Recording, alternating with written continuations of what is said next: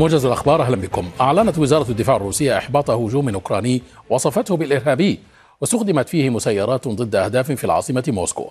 وقالت إن إحدى المسيرات التي تم اعتراضها تحطمت في منطقة موسكو سيتي. بدوره قال عمدة العاصمة إن الدفاعات الجوية أسقطت عددا من الطائرات المسيرة في سماء المدينة مشيرا إلى أن إحدى المسيرات ضربت برجا كان قد استهدف الأسبوع الماضي.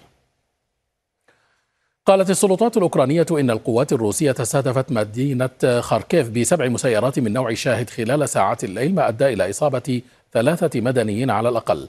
وأشارت إدارة الطوارئ الأوكرانية إلى أن إحدى المسيرات استهدفت مؤسسة تعليمية في المدينة وألحقت أضرارا بها واستهدفت مسيرة أخرى مجمعا رياضيا.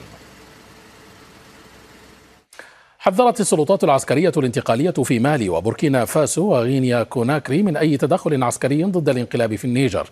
وقال بيان مشترك لبوركينا فاسو ومالي إن أي خطوة كهذه ستعتبر بمثابة إعلان حرب ضدهما وستؤدي لانسحابهما من الإكواس.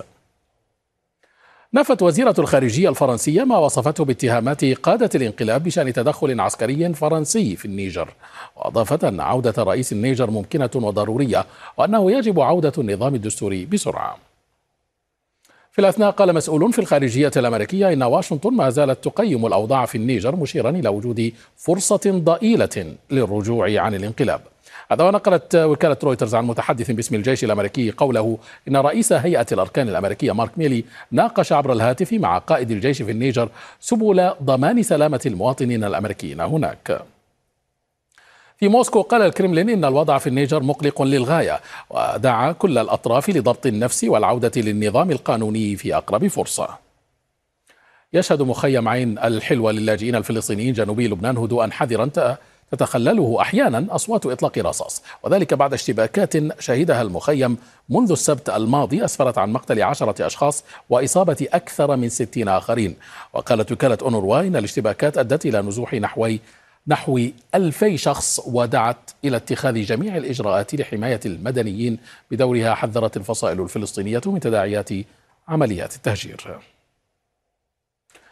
في الأثناء اتهم رئيس حكومة تصريف الأعمال اللبنانية نجيب ميقاتي جهات خارجية باستخدام الساحة اللبنانية لتصفية حساباتها.